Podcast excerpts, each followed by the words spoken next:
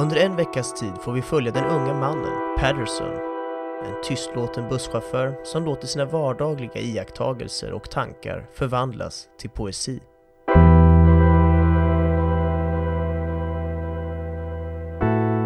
Filmen är skriven och regisserad av Jim Jarmusch.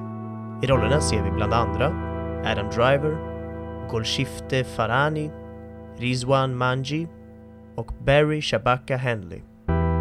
Filmen hade svensk premiär den 6 januari 2017. Den är 1 timme och 58 minuter lång och hade en budget på 5 miljoner dollar. På Cannes Film Festival 2016 blev filmen nominerad till den prestigefulla Guldpalmen.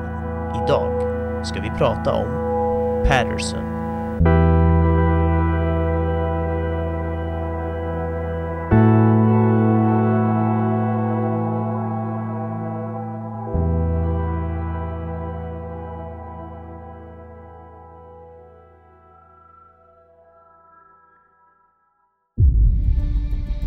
Far back as I can remember, I always wanted to be a gangster. The first rule of Fight Club is you do not talk about Fight Club.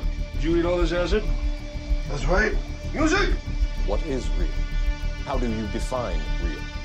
Du är leksak! More people than you think, and more people each day. This is a world getting progressively worse. Can we not agree on that? Det finns bara ett ord för sådana som du. Och det är ondska. English, motherfucker! Do you speak it? I am the danger. Get away from her, you bitch! Are you not entertained? Are you not entertained? Why so serious? Hej allihopa och välkomna tillbaka till ett nytt avsnitt av Spoiler alert med mig Joel Keskitalo och med mig den ständigt närvarande. Benjamin Gabrielsson. Och idag, avsnitt 22, så ska vi prata om filmen eh, Patterson. Men innan vi går in på det så kan vi väl bara lite snabbt eh, avtäcka det så att vi har det sagt. Tyvärr uteblev ju veckans, förra veckans avsnitt som ni säkert har märkt. Ni vet hur det är ibland. Reasons, reasons, livet kommer i vägen, bla bla. Vi fick inte ihop det Så helt enkelt. Det. är, ja, vi, ni, får, ni får helt enkelt, hoppas ni inte hatar oss allt för mycket. Ni hatar oss inte lika mycket som vi hatar oss själva, så vi är på bra, på bra plan där i alla fall. Det tycker jag verkligen. Och sen får vi väl även tänka positivt också och tänka så här att det, det är ju ingenting som går miste, det är ingenting som hoppas över, utan det var bara att det tog en liten extra vecka för denna podd att komma ut helt enkelt. Ja, exakt. Så man får ju ändå allt det goda, bara att det tog lite längre tid. Och ni kanske uppskattar ett andrum från våra jävla, från vårt jävla tjat som, som, Ja. som vi levererar här varje onsdag. Så vi Verkligen. kanske gjorde er en tjänst, vem vet? Det tycker jag. Nej men så nu vet ni det, nu är vi tillbaka som vanligt i alla fall. Så, Persson, min vän Benjamin. Ja, varför i helvete valde du den här? Ja, varför, varför, varför, varför? Nej men den, eh, det var egentligen för att vi såg ju den här eh, Black Landsman, där Adam Driver hade en roll, och så tyckte vi ju båda där att han var så jävla bra i den, och vi, vi blev väldigt förtjusta, och vi har ju sett honom, framförallt du i, i Star Wars och liknande, och vi kände väl där att oj, han, han har ett annat register som är väldigt spännande att se honom spela, som, in, som är långt bort ifrån Star Wars så att säga. Och, Vad eh, menar du? ja, jag lovar. Det finns. Och jag menar, här har vi ju på något sätt eh, helt motsatsen. Så att det var väl lite det jag var ute efter. Jag ville se mer av Adam Driver och jag ville se vad, vad han är kapabel till och, och, och på den vägen var det helt enkelt. Jag var inne på IMDB, scrollade igenom vad han har varit med i, så dök den här upp eh, ganska högt upp eftersom den är relativt ny ändå och eh, ja, då kände jag perfekt, den här kör vi på. Vad, vad intressant att du säger det, för jag gjorde precis samma sak med den filmen jag har valt till nästa veckas Ah, avsnitt. kul. Men jag kommer till det i slutet på det här avsnittet. Ja. Eh, men ja, eh, filmupplevelsen då? Ja. Vill du ta den också? Hur kände du när du såg den här jäveln? Ja men spontant så tycker jag ju väldigt mycket om den här filmen. Det var en härlig upplevelse där man bara, ja, vaggades in i, i Adam Driver höll jag på att säga, men, men i Patterson som han heter i filmens liv då. Man bara gled runt där och det var liksom, ja, härligt och, och fin film på något sätt. Ja, Jag tyckte det var en väldigt mysig upplevelse. Ja, alltså... Mysig fångar inte riktigt vad jag tycker om den här jäveln. Nej, den här var roligt. så, så, så dålig så jag, jag, jag kan liksom inte ens... Nej, jag skojar bara. Alltså jag måste säga det, det här är en av de bättre jag har sett på väldigt länge. Alltså, Ja, med det säger jag ju att vi har ju sett väldigt många bra filmer du och jag. Vi har ju sett Green Book bland annat, vi har sett Roma, vi tyckte väldigt mycket om de här filmerna. Men de är speciella på ett annat sätt skulle jag vilja hävda. Det är fel tycker jag att försöka likställa de här med varandra. De liksom, i alla fall för mig, de frambringar liksom olika känslor för mig. Men den här träffar rätt i den bemärkelsen att jag är ett fan av filmer där det inte, och missförstå mig rätt här nu, men där det inte händer speciellt mycket. Du vet, du och jag är ju båda fans av till exempel Better Call Saul, där det är så otroligt långsam handling och där man stundtals tänker att ska det hända någonting eller? Men det är där jag trivs som mest av någon anledning. Jag trivs när det inte leder till någonting, du vet, explosivt eller mord eller du vet, sexualiserade, du vet, överdrivna håll. Ja, jag ska inte svartmåla sådana filmer heller.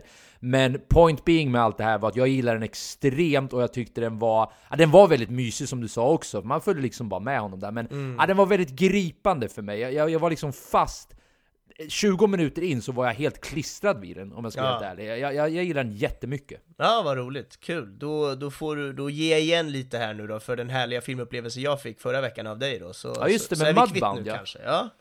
Ja, vi Eller förra se. veckan, det blir två vi veckor väl, Ja, precis. Två veckor sedan. Vi, vi får väl urholka och se, se vart vi landar i slutändan om, Ja. om vi har en liknande situation där.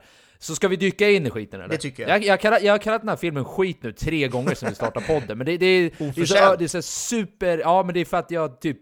Du vet, man ska aldrig skratta på en begravning brukar man säga. Och man ska, du vet, så här, olämpliga situationer som man gör olämpliga handlingar. Lite så jag känner här nu. Jag får, jag får liksom inte... Du vet, förolämpa den här filmen, så jag har redan gjort det tre, fyra gånger sedan vi började. Ja, lika bra, lika bra. Nej, skämt åsido. Men själva filmen då? Vad var det som gjorde den så jävla bra? Eh, vill du börja med det, eller ska jag? Ja men jag kan börja, jag, jag, för Mm. mig är det ju verkligen det här lugna och poetiska, och jag vet att poetiska känns ju som ett jävla självklart eh, underord exakt. i den här filmen, såklart eftersom den handlar om poesi, men ändå, det är det här lugna, det poetiska och det här nästan flugan på väggen eh, tematiken som, som det jobbas med, att vi bara följer med Patterson som han heter då, Adam Drivers karaktär, vi följer honom i hans liv. Och det är, det är liksom, det är en ny dag varje, varje dag så att säga, det, det, det, det är en vecka vi följer honom, vi får se liksom varje dag, hans rutiner, hur det funkar och de här olika små mötena med olika människor och att man, man bara hör någon stå och prata vid ett, vid ett hörn när han går förbi, att man bara hör sånt, man får bara slungas in i en liten situation eller diskussion eller händelse i någon annans liv bara genom att Adam Driver råkar passera eller vara där. Eller sitter och kör bussen och det sitter två folk längst fram och pratar på den. Så att, ja men det var ju någonting med det där som jag tyckte så mycket om, att vi bara fick följa med och vara med och känna eh, Patterson som stad och Patterson som person då, som han heter. Han heter ju samma sak som staden han bor i och nej, det var väldigt, väldigt härligt. Det var där jag verkligen tyckte om den här filmen. Jo, men det är ju filmens styrka skulle jag också vilja hävda. Ja. Det här hur den lyfter fram det här vardagliga och visar att det kan... Alltså, du och jag har ju pratat väldigt mycket om i andra sammanhang det här med att ibland räcker... Alltså livet är egentligen tillräckligt intressant Ja. utan att behöva tillskriva massa Exakt. saker till det. Ibland räcker det med att bara fokusera på de här enkla sakerna, du vet, ja men du vet, en, en cykeltur genom din lokala, ditt lokala centrum liksom. Mm. Om man bara, alltså man är ju så van med alla de här grejerna, så man tar ju det för givet hela tiden. Men egentligen så, du vet, livet pulserar ju hela tiden runt omkring dig. Om man nu Ja. skulle ta, du vet, att cykla genom centrum i din, eh, i din stad som exempel. Och jag tycker det här lyfter upp det på ett väldigt bra sätt. Men jag kan samtidigt, och det här vill jag, jag vill posera det här som en fråga till dig också. Tror du inte att många skulle tycka den här filmen är ganska långtråkig av just den här anledningen som vi tycker gör den så bra? Jo, verkligen. Och det, det, det kan jag köpa liksom, jag kan förstå det. Och därför är det kanske inte en film för alla, jag vet inte. Men det är väl samma sak som att folk kan älska en film som jag, alltså typ, eh, vad ska vi ta? Fallout, Mission Impossible Fallout. Det finns ju hur många som helst som älskar den. Bra exempel faktiskt. Det, ja, eller hur? Motsatsen där. Men det finns ju många som älskar den filmen mer än allt säkert, och det gör inte jag. Så att det är väl återigen det här väldigt eh, personliga och subjektiva upplevelsen. Och det här faller dig och mig varmt om smaken, så är det ju. Ja, och alltså, för jag tror att många har ju nästan blivit tunade till alltså, en sorts förväntan att det alltid ska hända någonting. Ja. Och jag tror att det, det är det här som skiljer, eh, och jag vill absolut inte lyfta upp oss på någon sorts pedestal, för det är säkert många som tycker så här. Men jag tror att det här skiljer oss från många andra, att vi zoomar ibland, jag tycker Roma faktiskt är ett bra exempel här, och du gillade ju Roma mer än vad jag gjorde. Ja, du tyckte nästan den var på Ja, men den blev lite Ja. för lång, för, till Ja. och med för mig som ändå gillar den här sortens detaljer. För den tycker jag var, ja, den hade kunnat kortats ner kanske 30 minuter. Nej men, och jag, jag ska inte prata för mycket om Roma nu, vi har, vi har gjort ett poddavsnitt tidigare om det, så ni kan, ni kan gå tillbaka och lyssna på det om ni är intresserade. Men det jag tycker den också fångar väldigt bra, det är det här, det händer liksom... Roma alltså. Ja, Roma, precis. Eh, och parallellt till det här då, att det händer liksom ingenting vad ska man säga, explosivt, utan även det explosiva som händer är på något sätt underkuvat det här vardagliga.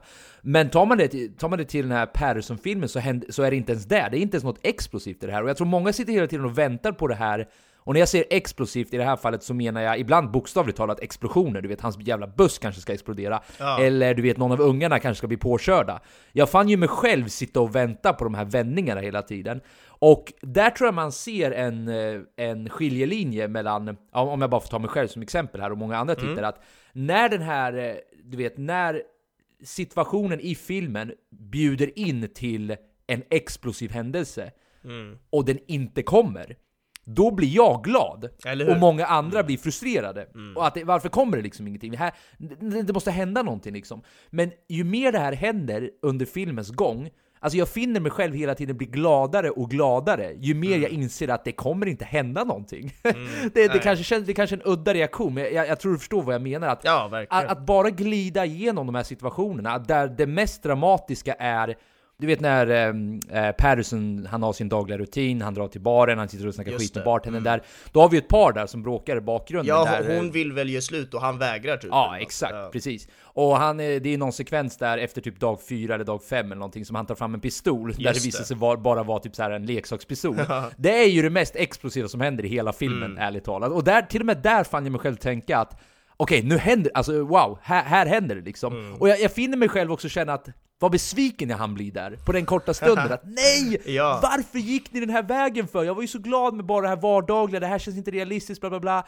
Men sen drog de tillbaka det. Mm. I, du vet, i samma ögonblick som jag han blir besviken så bara jo, nej, vi är fortfarande på, du vet, ground zero, där, där du hör hemma Joel. Där, där vi befinner oss fortfarande här. Och jag tyckte det där exemplet var så roligt för jag satt samma sak som du, precis så kände det här med att åh det är härligt att det inte händer så galna grejer, det är liksom vardagen som, som porträtteras och sen så kom den här pistolgrejen och jag blev så förvånad att jag trodde att nej han dagdrömmer, det här det kommer bli sån här du vet klipp till att han, att han sitter Ja, kvar exakt. där och, och att det där inte ens har hänt. Jag var helt övertygad att det var en sån grej för att det var så outside the box av vad filmen redan hade målat upp för oss vad som skulle kunna hända så att jag, jag var helt inne på ditt spår med att det där var för galet för den här filmen och som du säger då så, så landade det ändå i att det inte var så galet för det var en skumgummipistol och de pratade precis. ändå som vänner sen och det var inget mer än så så att, äh, men det var skönt på något sätt att filmen nästan lurade oss där ett tag. Ja, och den gjorde ju fler sådana här, skulle jag vilja hävda. Ja. Det, det, det var ju någon scen också då Patterson är ute och går med hunden, och det kommer något gäng i en bil som, du Mm. Just vet, det. det. Här stereotypiska gänget, du vet. Ja, de har, de har verkligen. lite såhär...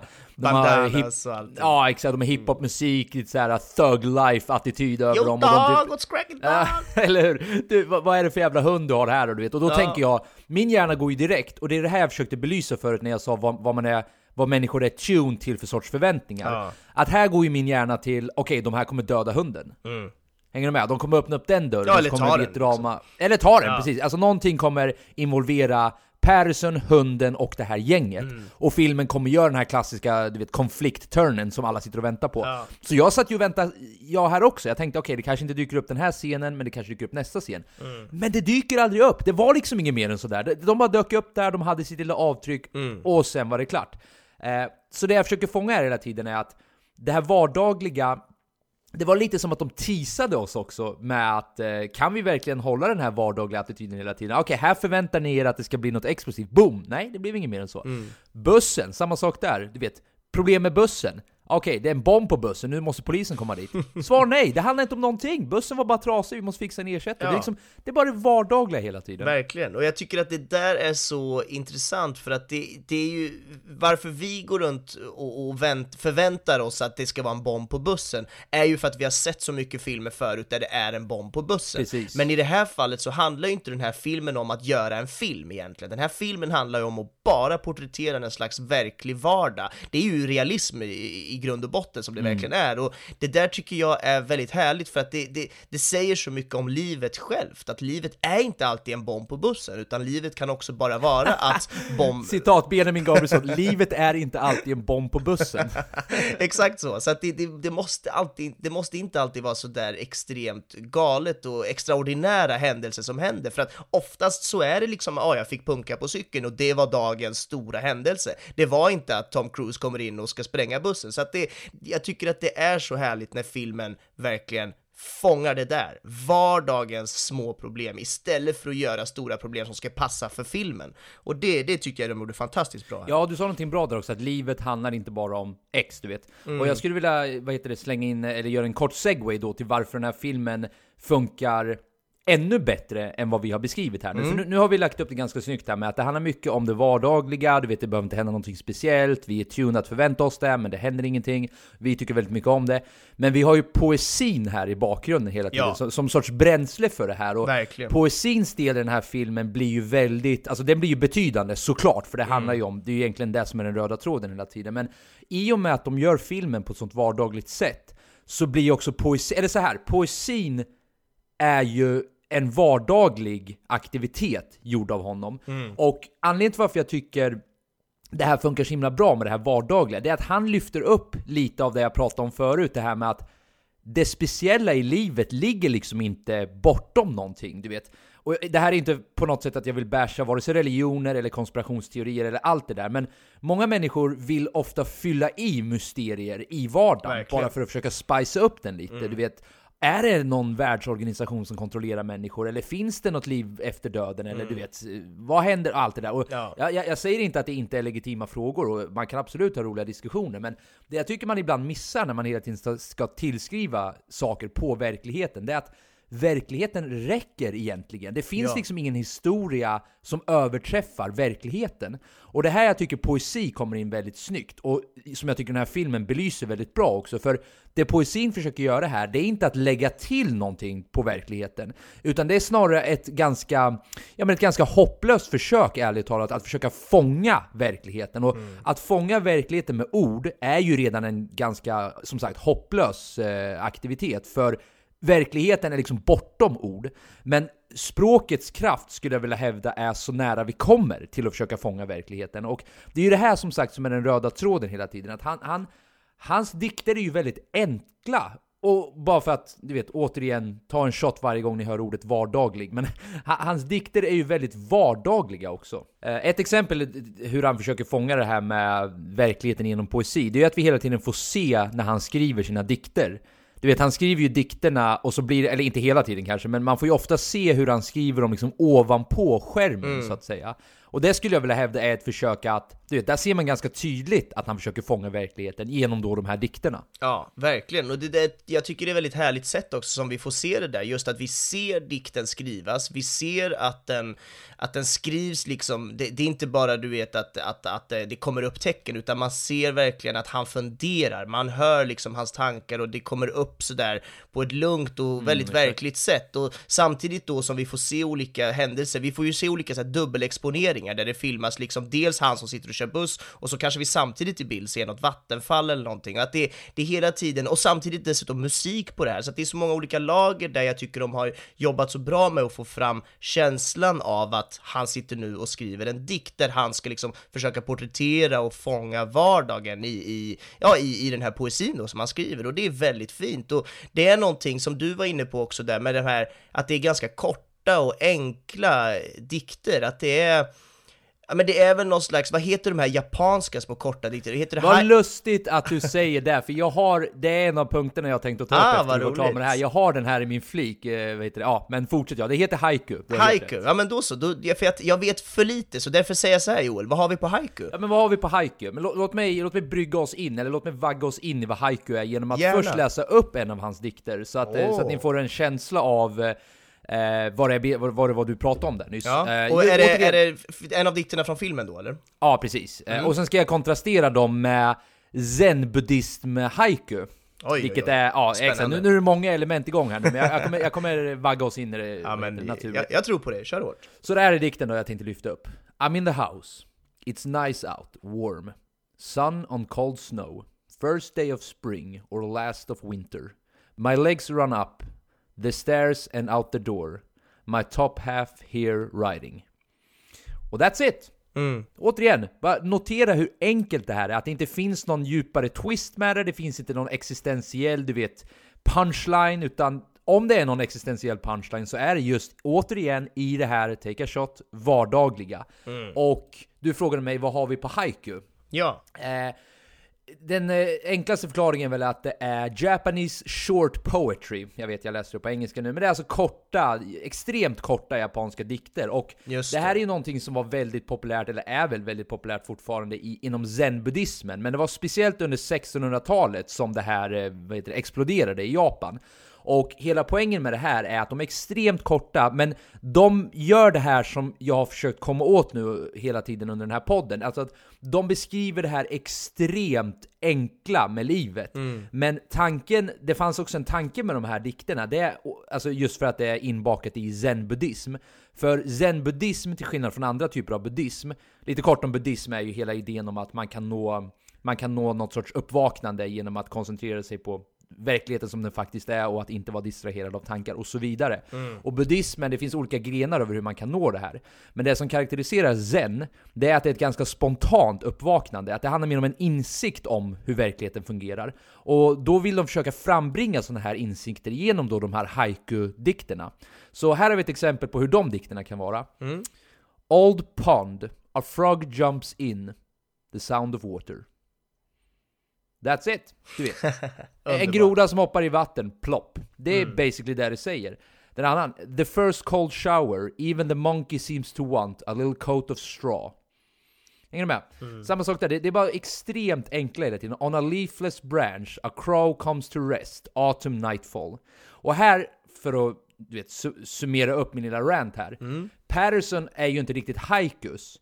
Men det jag vill hävda är att de försöker fånga samma sorts eh, dimension här. Och dimensionen kallas ju verkligheten. Ja, Nej, men vad fint, för det var ju lite det jag var ute eh, efter också, just med att det känns som att hela den här filmen eh, är ju på det här sättet, att den bara ska fånga verkligheten och vardagsrealismen och allt det här, och det gör den ju så fint, och dessutom då genom de här dikterna som han skriver som också känns så här, och dessutom då med ihopknytningen till hela den här haiku-grejen. Nej men vad härligt att vi fick knyta ihop den säcken, jag känner mig belåten, minst sagt. Okej, jag, jag har en grej till jag skulle vilja, vilja lyfta upp om själva filmen innan vi rör oss mot det tekniska. Eh, och det här är det riktiga Eh, knyta ihop säcken eh, sektionen, eller vad man ska säga. Och det är den här sista scenen när Patterson sätter sig på en parkbänk, jag tror han eh, precis in till en liten eh, en liten damm, eller vad kan man säga? En liten sjö kanske till och med. Jag minns inte riktigt, men eh, ja, vatten. Ja. Så sätter han sig där och han är lite, ja, men han är lite deprimerad för hunden har ju precis eh, rivit sönder alla hans eh, diktsamlingar. Det. Och, Och eh, det som för han tar- övrigt är ju en av de liksom större jävla händelserna i hans liv får man ju säga. Nu vi pratar om explosioner och folk som skulle Ja, dö och precis. så vidare i annan film, så det där är ju det absolut största eh, motsättningen, motgången för honom i filmen. Verkligen, och han, han tar det ju på ett väldigt stoiskt sätt får man säga. Han är ju upprörd. Jag, jag, det är någon scen, kommer jag ihåg, då han stirrar på hunden och hunden stirrar tillbaka så han bara I don't like you. han har precis pajat säkert flera månader, kanske flera års arbete där och du vet, allt han gör är att bara stirra på honom och bara din jävel. Nej men då när han sitter där på den där parkbänken, då kommer ju en japan fram till honom. Ja. Och de börjar diskutera lite, ja du vet, eh, är du härifrån? Och ja, jag, jag kommer hit för att studera eller observera att det fanns en poet här tidigare. Också vid namn Patterson och allt det här. Och eh, det händer någonting intressant mellan de här två. Det är ungefär som att du vet, två poeter möter varandra på nästan ett spirituellt plan. Ungefär som att han känner på något plan att han också är, alltså den här japanska eh, snubben känner på något plan att han också har det här i sig. Eh, för de sitter där och diskuterar lite, och då har den här japanen då en line som jag tycker fångar allting det vi har sagt här nu och vad egentligen dels vad den här filmen handlar om, men också vad arguably, jag är inte poet, så jag, jag, jag kanske egentligen inte ska uttala mig för mycket, men arguably vad poesi också handlar om. Han säger I breathe poetry. Eller hur? hur? Hur stark är inte den linen bara? I breathe poetry. Och ofta inte det summerar upp vad det är han försöker göra under hela den här filmen. För vad är poesi? Vad är det han gör under den här filmen? Det är inte så att han sätter sig i, du vet, i något skjul och du vet, isolera sig i fyra månader för att få inspiration. Det är inte så att han sitter, alltså han gör ju inget, han, han lever ju bara livet. Ja, exakt. Och han skriver poesi, det vill säga He breathes poetry. Verkligen. Jag vet fan alltså, jag tycker det var så jävla mäktigt sagt där bara. Och sen, det här är, jag lovar, det här är den sista säck ihopknytandet om det är ett ord. Aha! Ja. ja, det var så bra. Hur tolkar du det? Ja, ja intressant, för jag, jag, han säger det ju ett par gånger har jag för mig. Han säger det säkert någon gång när de sitter på bänken, men framför allt så, så avslutar han ju med att han liksom, de har redan sagt hej då, han vänder sig om, går tillbaka mot bänken, alltså den japanen då, vänder sig, går tillbaka mot, eller går gör han inte, han vänder sig om i alla fall och liksom så här, 'excuse me one more time' eller något sånt. Aha! Och så vänder han sig och går. Det är liksom, det är så han avslutar.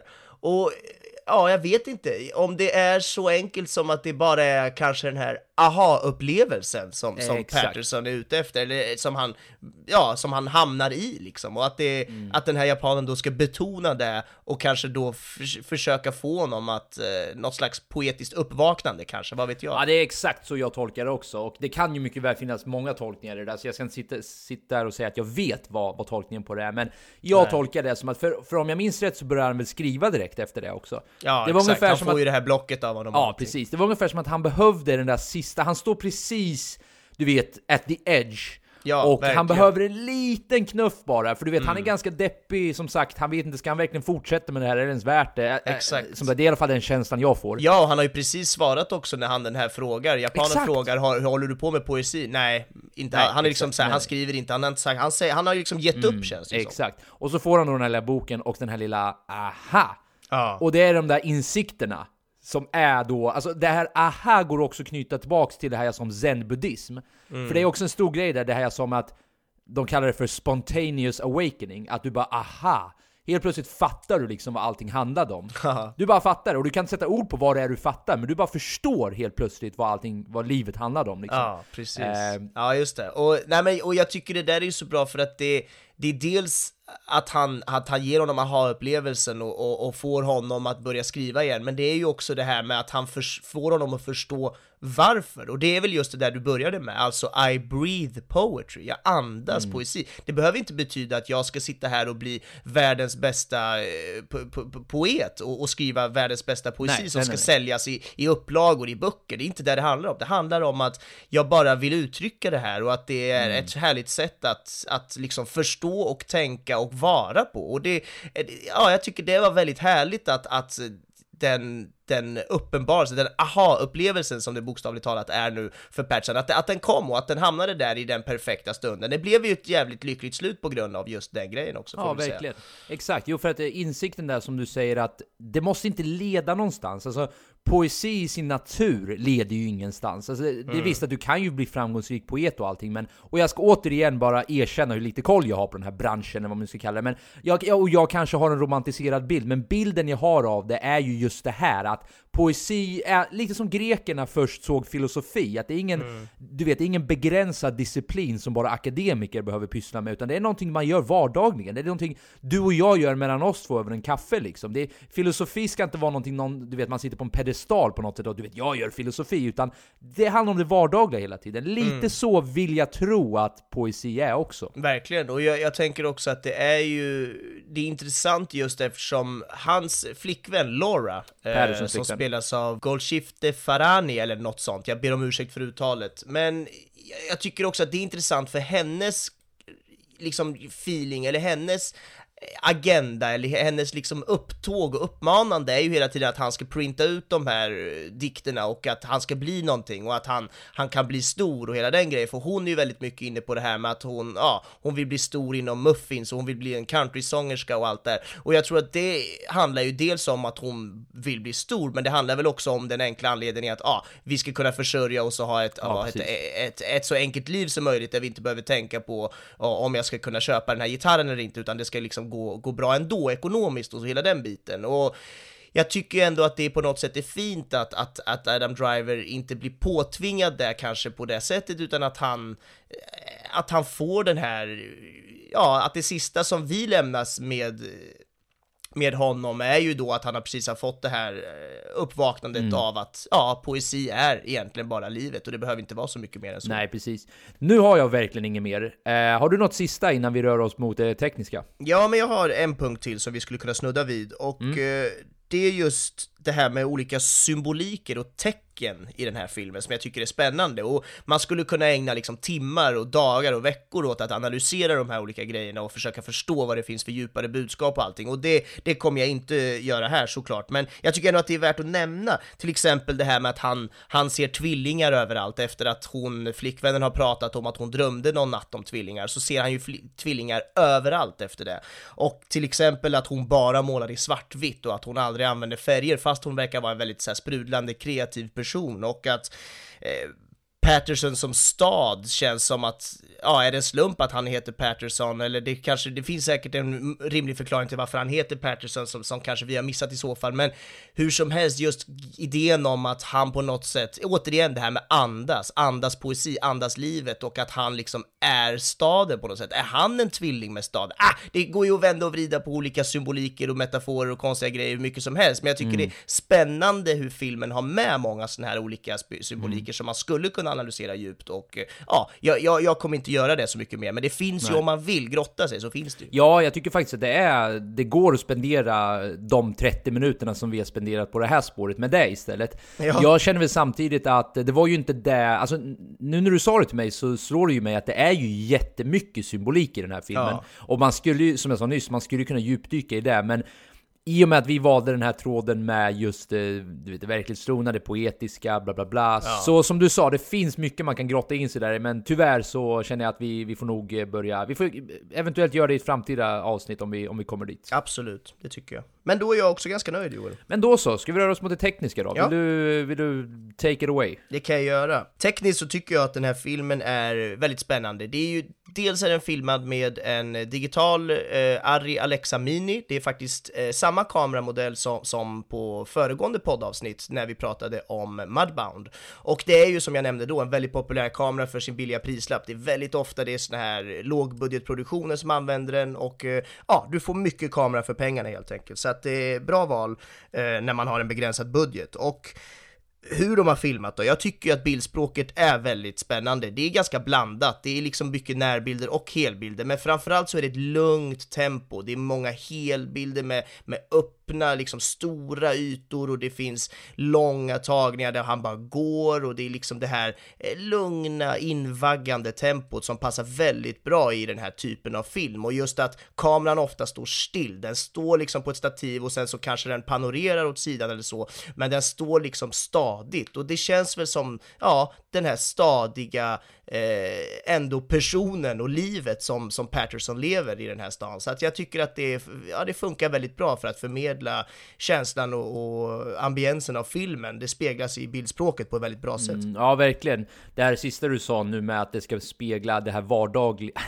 jag kommer hela tiden tillbaka till det vardagliga. Ja. Jag ber om ursäkt kära lyssnare, men det här snarare stabila kanske jag snarare ska säga det. För det är ju en väldigt icke-turbulent vardag han lever Precis. och som du säger, det fångas ju väldigt bra i det här bildspråket. Ja, Jag verkligen. vill bara betona din poäng ännu mer. Ja men absolut, och så tycker jag det är lite spännande med, med de här olika montagen, vi var inne och snuddade på det förut också, men att de använder just olika montage, det vill säga att man till musik använder olika bilder som, som tillsammans blir liksom, liksom, det förklarar att tid går och du vet att man kan se ett vattenfall samtidigt som vi ser Adam Driver köra buss och samtidigt som vi hör lite musik och, och liksom det kan vara en tredje bild, det är det här som kallas för dubbelexponering, alltså att vi ser flera bilder i bild samtidigt och ibland är det även liksom trippelexponerat, att vi ser tre, fyra kanske till och med bilder samtidigt. Och det är också ett smart sätt för dels att få in det här med poesin som vi pratade om, att på ett snyggt sätt få in att han sitter och skriver det och, och samtidigt som vi får då reflektera över vad det är han ser och reflekterar och ser, ja, upplever och, och försöker förmedla i de här dikterna. Ja, jag gillade den eh, eh,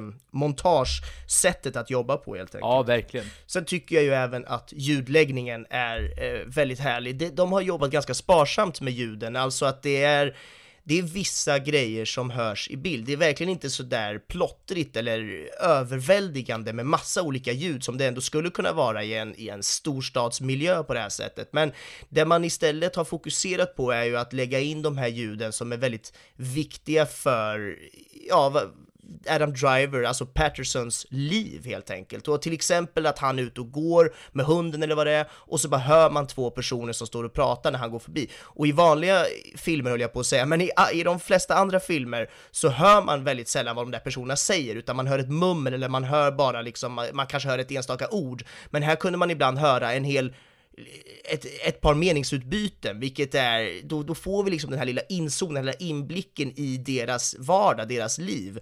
Det var ett exempel där när han går förbi, jag tror han går med hunden någon kväll och så, så står det bara folk och pratar där. Oh, look at that. look at that right there. That's cute, man. That's an actual creature. Och just det så här, att någon då står och filosoferar om att det där är en actual creature. Jag vet inte, jag tyckte det var så härligt för det skulle lika gärna kunna vara du och jag som stod där och pratade någon Ja, kväll och du vet att man bara oh, wow, har du tänkt på att det där är en Ja, riktig ja. varelse? Ja, det är så här härlig, härligt litet samtal att få i, i två sekunder ta del av och bara förstå att där fanns, där fanns den situationen som pågick och jag hör ju nu hur jag sakta bara glider iväg från det tekniska, men det är just att det tekniska, i det här fallet ljudläggningen, hjälper till oss för att vi ska få den här extra inzoomade känslan av att vi är en del av det här vardagslivet som, som Patterson går runt och, och är själv en del av. Så det tyckte jag mycket om. Ja, för där kommer man in, och jag ska bara slänga in en snabb instickare här, men där kommer man ju in på det här realismens eh, dimension så att säga. Alltså Verkligen. det är ju, det blir ju mer realistiskt om huvudpersonen eller någon av karaktärerna i filmen går och att man faktiskt kan snappa upp lite av vad konversationen är i bakgrunden. Ja. Ett annat exempel på det här, och det här kan låta som en banal jämförelse, men i eh, MMORPGs eller RPG-datorspel överhuvudtaget så Mhm. ibland, vissa av de här spelen är eh, det det är också en liten detalj som jag kan uppskatta väldigt mycket, att man går där med sin karaktär och du vet, man gör det vardagliga och sen helt plötsligt kan man bara snappa upp en konversation av två NPC-karaktärer då. Mm. Och du vet, de bara fortsätter prata. Och jag, alltså, återigen, det här är inte jättegenomtänkt, det är inte som, som har gjort en film, för det här är ju programmering och de, de var säkert inte, de, de loopar säkert de här konversationerna. Men det jag vill lyfta upp bara lite snabbt, att det ger också den här känslan av att, lite en gnutta realism i den här fantasyvärlden man befinner sig i. Ja, ah, titta! De här två bönderna som står bredvid mig, som inte har någonting med mig att göra, sitter och diskuterar det senaste, du vet, den senaste striden som ägde rum, du vet, två, 20 mil härifrån, Ja. som jag var en del av. och, eh, ja men bara lite snygg detalj som de slänger in där. Bara, aha, okej, wow, det här är ändå, återigen, det, det inviggar, det, det introducerar känslan av, eh, ja men ett lager av realism i allting. Verkligen, verkligen. Och kul att du uppfattar det inom spel också, Ja. för där känns det ju väldigt viktigt att man ska få den där känslan av att här pågår ett liv, även när jag inte springer med min karaktär just på den här delen av spelplanen. Jag förstår att det inte är en spelplan, men du förstår vad jag menar. Att Mm. även när du inte springer just där med din karaktär så är det ändå ett liv som pågår här. Ja men exakt, om det är knäpptyst där och du kommer in och sen allas ögon riktas mot dig, du, du, du får ju nästan en klaustrofobisk känsla av att aha, världen handlar om mig alltså. Ja. Men, nej nej nej, här är det snarare att du är en del av en större värld de Exakt. försöker förmedla med sådana grejer. Verkligen, och det tycker jag de gör fantastiskt bra i den här filmen på så många olika sätt, bland annat då i ljudläggningen. Och, eh, jag- Mm. Och i jag- buss, förlåt får jag bara lyfta upp ännu Ja, ett exempel på verkligen. det? När, de sitter och diskuterar i bussen är det ju samma sak. Att nu, ibland är det ju straight up att de verkligen filmar de personer som pratar Ja, i bussen, men exakt. ibland är det bara det där vardagstugget man hör i bakgrunden. Det är samma sak där, vardagliga diskussioner som bara snappas upp av busschauffören, vilket är Adam the bus driver. Och nej men väldigt eh, kul ändå att de jobbar på det sättet. Ehm, jag, jag ville ändå också nämna musiken som någonting spännande i den här Ja. eh, filmen. Vad, vad tänkte du på musiken Johan? Nej men eh, jag, jag sa ju till dig innan vi startade det här avsnittet att jag drar lite paralleller till Nightcrawler. Att eh, de jobbar väldigt mycket med det här ambient-ljudet snarare än ganska starka toner. Just det. Och Mm. i det där fallet så försöker de ju vagga in oss i en känsla av mörker, du vet av nästan en dystopisk, du vet någonting är... Ja men det är väldigt mystiskt där kanske man kan säga det. I Nightcrawler ja. Nej, i Nightcrawler, ja precis. Här är det samma sorts musik skulle jag vilja hävda, men det har inte samma mörka underton, utan det är snarare ganska casual underton.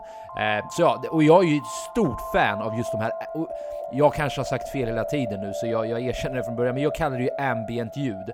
Det vill säga när det inte är någon speciell eh, lyrics och det är inga speciella, det är inga liksom, explosiva toner eller vad man ska säga, utan det, det är ett ganska, ganska neutralt läte som håller på i, i en ganska längre period. Det är inte så mycket melodier heller utan det är ju mer Exakt, bara exakt, toner och liksom långa så sekvenser eller stycken som bara ligger på som ett vaggande. Jag har inte heller något bra ord för det, kanske vi borde läsa på någon gång men Ja, kanske någon kanske kan meddela oss annars, eh, kommentera eller, eller skriv någonting, spoiler alert på Mm. Facebook, det vore kul att lära oss nya saker såklart. Men just de här som du är inne på, långa toner, frekvenser som bara ger oss en känsla. Det behöver inte prata. Jag pratade ju om en del om det här i Nightcrawler-avsnittet just, det var väl avsnitt nummer 20 tror jag.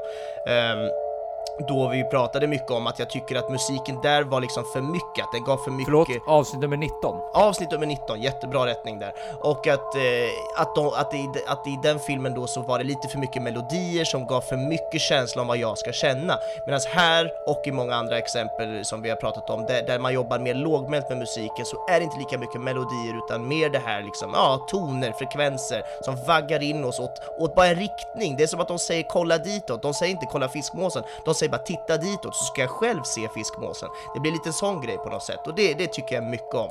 Och det funkade väldigt bra i den här filmen också. Dels med, med liksom hela poesin och hela den världen, för det är ju också den här Ja, det vaggar in oss i en stämning som poesin redan är på väg att rikta oss mot, Mm. men också att det är den här vardagliga, verkliga, lågmälda och ja, det är den känslan helt enkelt och det funkade väldigt bra. Ja, jag håller med. Ehm, nej men förutom det så, så är det inte så mycket mer jag har tänkt på på det tekniska. Det är ju såklart skådespeleriet, så om inte du har något annat så glider vi väl över till det. Jag har inget annat. Eh, Du är ju som vanligt jävligt bra på de där delarna. Det är därför jag ofta låter dig... Jag, jag kommer snarare med små instickare än att försöka ta över Ja, spåret. väl Du, du är jävligt duktig på det här. Nej men, bara om vi drar oss över till skådespelarinsatserna. Mm. Alltså jag måste bara säga det. Adam Driver ska, ska ge fan i de här jävla Star Wars eh, explosiva fucking lightsaber. Och jag, jag säger det här med kärlek. Jag älskar Star, eller jag älskade Star Wars. Och det är kanske är en diskussion vi kan ha i framtiden. Men Det där är ett helt eget avsnitt hör man ju nu. Vi glömmer bort det där just nu. Men Adam Driver passar så jävla bra till den här sortens film tycker jag. Jag vet inte Mm. vad det är riktigt. Jag tycker han ser ut att vara en väldigt casual dude. Men ändå Mm. är han ju en A- alltså han är väl mer eller mindre en A-list skådespelare, men han är ju med i stora filmer liksom. Men jag får inte känslan av att det här är typ en Keanu Reeves liksom. För Keanu Reeves på något sätt, han sticker ut så mycket och det har väl kanske med hans track record att göra. Han är ju, han är typ, han är, för mig associerar jag honom med typ Neo, för alltid. Ja, han är liksom precis. Neo. Men Adam Driver är så jävla bra måste jag säga. Han, han har gått från att ha varit alltså en, ingenting för mig, till att ha blivit en av mina favoriter. Och jag, jag, jag är glad där du öppnade med att du sa att du vi såg Black Clansman, vi tyckte om honom där, så därför valde du att söka så att vi kan familiarize ourselves med honom. Ja. Jag kommer nog göra detsamma, för Ah, jag vet inte hur många sätt jag kan säga det på. Bara, superb! Superb alltså! Så jävla bra tycker jag han är. Ja, verkligen. Ja, jag håller med och det är ju precis den här grejen som, som du är inne på att det man, man förstod ju, eller man, du och jag förstod att han har någonting, vi har inte sett så mycket med honom, låt oss se mer och sen så får vi se det här och så bara ser man vad han kan åstadkomma med så små medel också. Det är det jag tycker är så intressant. Hur han, man, man, man ser liksom vad han tänker utan att han gör några alls stora gester eller stora ögonbrynsryckningar eller någonting. Det kan vara så jävla subtila små saker han gör med sitt skådespel, men ändå så känns det väldigt, väldigt så detaljerat och noggrant och man förstår verkligen tankarna och känslorna i, i, i, ja, i han som person och karaktär. Och ja, det är någonting där, väldigt där, lågmälda, sparsamma och finliret i skådespelet som var otroligt imponerande filmen igenom. Nu har ju du och jag inte pratat jättemycket, vi har ju varit väldigt fokuserade på Patterson och Adam Driver och du vet, han som karaktär och han som skådespelare. Så låt oss ha det här, eh, vad heter det, ögonblicket och lyfta upp, eh, eller nej, låt oss ha det här tillfället och lyfta upp de andra lite kort. Ja, Jag, jag, det går ju inte såklart att göra en lika stor hyllning som Adam Driver. Han är ju i the driver's seat. Du, du, du, så jävla clever är jag. Han, han är... pun of the puns. Ja, jag förstår om ni har stängt av i det här laget. Eh, nej, han är ju i the driver's seat såklart. Ja. Men samma sak som jag brukar säga, casten gör ju sitt jobb. Alltså alla tycker jag gör sitt jobb, och speciellt måste jag säga jag är ju förtjust i, och jag vet att jag kan låta fel nu, men barnskådespelare. Jag tycker det är jävligt imponerande när barn har en förmåga att, även om det är ganska korta roller som i det här fallet, som ändå har en förmåga att, nummer ett, inte fucka upp det och få det att verka orimligt på något sätt. Men nummer två, gör ett bra jobb också. Alltså jag tycker scenen då Adam Driver sätter sig, eller Patterson sätter sig bredvid en av de här, är hon, en, är hon ett tvillingbarn den här tjejen? Ja, hon är det. hon är ju det, Ja. apropå tvillingar. Eh, sätter sig där och de delar med sig av, hon delar väl med sig av en dikt till honom, har jag för mig. Precis. Eh, Mm. Bara en jävligt fin scen och väldigt trovärdig scen också. Det, det får man ju lyfta upp den barnskådespelaren med. Och samma sak på... Otroligt duktig. Jag tänkte på det Otroligt också. duktig. Verkligen. Mm. Samma sak med bartendern, eh, som, som är spelad av... Eh, Ja, han känner man väl igen från olika grejer Ja, känns precis. det som. Eh, Barry Shabaka Henley. Eh, också så här, han, han, precis som alla andra karaktärer, frambringar den här känslan av jag kommer kalla det casualness, om, om, om ni förstår vad jag menar. Den här För jag vill inte använda ordet V längre, det känns som att liksom, vi, har, vi har missbrukat det så mycket nu att vi kan inte, vi kan inte säga så längre. Framförallt Nej, du. men, framförallt jag, ja precis. Nej men att, att bara han har den lite halvtrötta attityden och du vet, han har sin bar där och han är, han är lite, ja men precis som alla andra så bär ju han på, han bär ju livet på sina axlar precis som alla andra gör. Ja. Jag tycker han, han också meddelar det väldigt starkt. Genom ett ganska enkelt skådespeleri. Han står ju liksom där bakom bardisken och diskuterar Mm. bara. Ja, verkligen. Och, och eh, ja, precis. Vi nämnde ju henne förut, eh, flickvännen, som jag har så svårt att Mm. uttala namnet på. Men. Golshifte Farani eller något sånt, eh, som heter Laura i filmen då, alltså Adam Driver, alltså Pattersons flickvän. Det blev snurrigt där, men ni är med på vad jag menar. Och hon tycker jag också är jättebra. Det, det, hon har det där lilla spralliga och härliga i sig samtidigt som hon Mm. känns liksom, ja men hon känns Hör du vart jag är på väg? Jag Hon vet vart du är på väg. verklig. Hon känns verklig. Ja men det är, det är fan, den här filmen har väl verkligen haha, gjort en sån grej då, att den försöker få oss att verkligen känna verkligheten. Hur många gånger kan jag säga det? Verkligt, verkligt. Nej, men det, det sagt, jag saknar jag, jag är ord. glad att du balanserar ut våra, alltså jag har som sagt missbrukat ett ord, så varför inte missbruka ett till? Nej jag. men så är det, jag tycker hon gör ett bra jobb också, men det är svårt också när Adam Driver har en sån stor roll och är så jävla bra som han är, då, då hamnar de andra i skuggan. Han är ju filmen som vi ibland säger om vissa personer, här tycker jag ju Alltså att det stämmer utan, utan dess like. Här stämmer ju mer än någonsin att han är filmen. Ja, det, jag har inte så mycket mer att säga om det ärligt talat, utan vi, Nej. vi, jag tycker vi rundar av det där. Det gör vi.